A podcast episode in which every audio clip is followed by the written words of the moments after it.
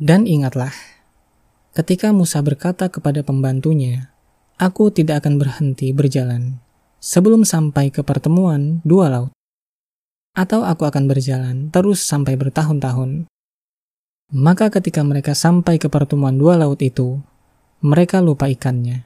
Lalu ikan itu melompat, mengambil jalannya ke laut. Maka ketika mereka telah melewati tempat itu, Musa berkata kepada pembantunya, Bawalah kemari makanan kita.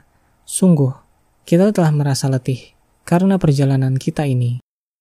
Dia pembantunya menjawab, Tahukah engkau, ketika kita mencari tempat berlindung di batu tadi, maka aku lupa menceritakan tentang ikan itu. Dan tidak ada yang membuat aku lupa untuk mengingatnya, kecuali setan dan ikan itu mengambil jalannya ke laut dengan cara yang aneh sekali. Dia Musa berkata, "Itulah tempat yang kita cari." Lalu keduanya kembali mengikuti jejak mereka semula. Lalu mereka berdua bertemu dengan seorang hamba di antara hamba-hamba kami yang telah kami berikan rahmat kepadanya dari sisi kami, dan yang telah kami ajarkan ilmu kepadanya dari sisi kami. Musa berkata kepadanya, Bolehkah aku mengikutimu agar engkau mengajarkan kepadaku ilmu yang benar yang telah diajarkan kepadamu untuk menjadi petunjuk? Dia menjawab, Sungguh, engkau tidak akan sanggup sabar bersamaku. Dan bagaimana engkau akan dapat bersabar atas sesuatu, sedang engkau belum mempunyai pengetahuan yang cukup tentang hal itu? Dia Musa berkata, Insya Allah akan engkau dapati aku orang yang bersabar, dan aku tidak akan menentangmu dalam urusan apa pun. Dia berkata, "Jika engkau mengikutiku, maka janganlah engkau menanyakan kepadaku tentang sesuatu apa pun sampai aku menerangkannya kepadamu." Maka berjalanlah keduanya hingga ketika keduanya menaiki perahu, lalu dia melubanginya. Dia, Musa, berkata, "Mengapa engkau melubangi perahu itu?" Apakah untuk menenggelamkan penumpangnya? Sungguh, engkau telah berbuat suatu kesalahan yang besar.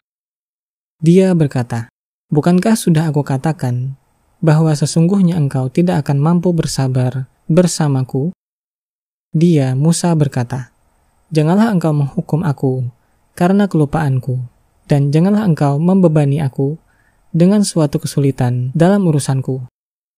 Maka, berjalanlah keduanya hingga ketika keduanya berjumpa dengan seorang anak muda, maka dia membunuhnya.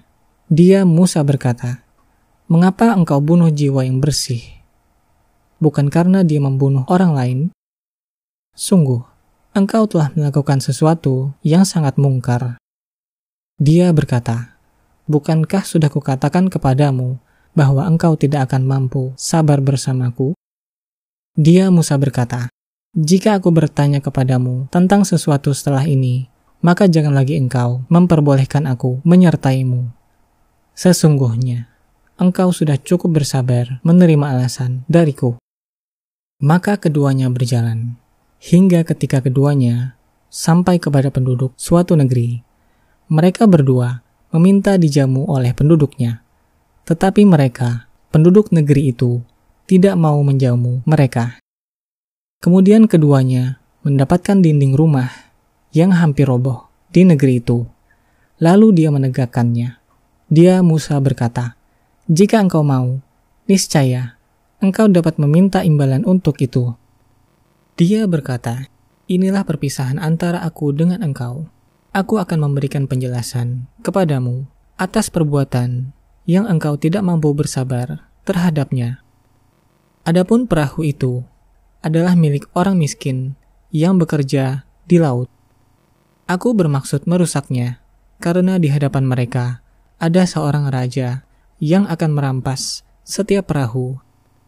Dan adapun anak muda kafir itu, kedua orang tuanya mukmin dan kami khawatir kalau dia akan memaksa kedua orang tuanya kepada kesesatan dan kekafiran. Kemudian kami menghendaki sekiranya Tuhan mereka menggantinya dengan seorang anak lain yang lebih baik kesuciannya daripada anak itu dan lebih sayang kepada ibu bapaknya.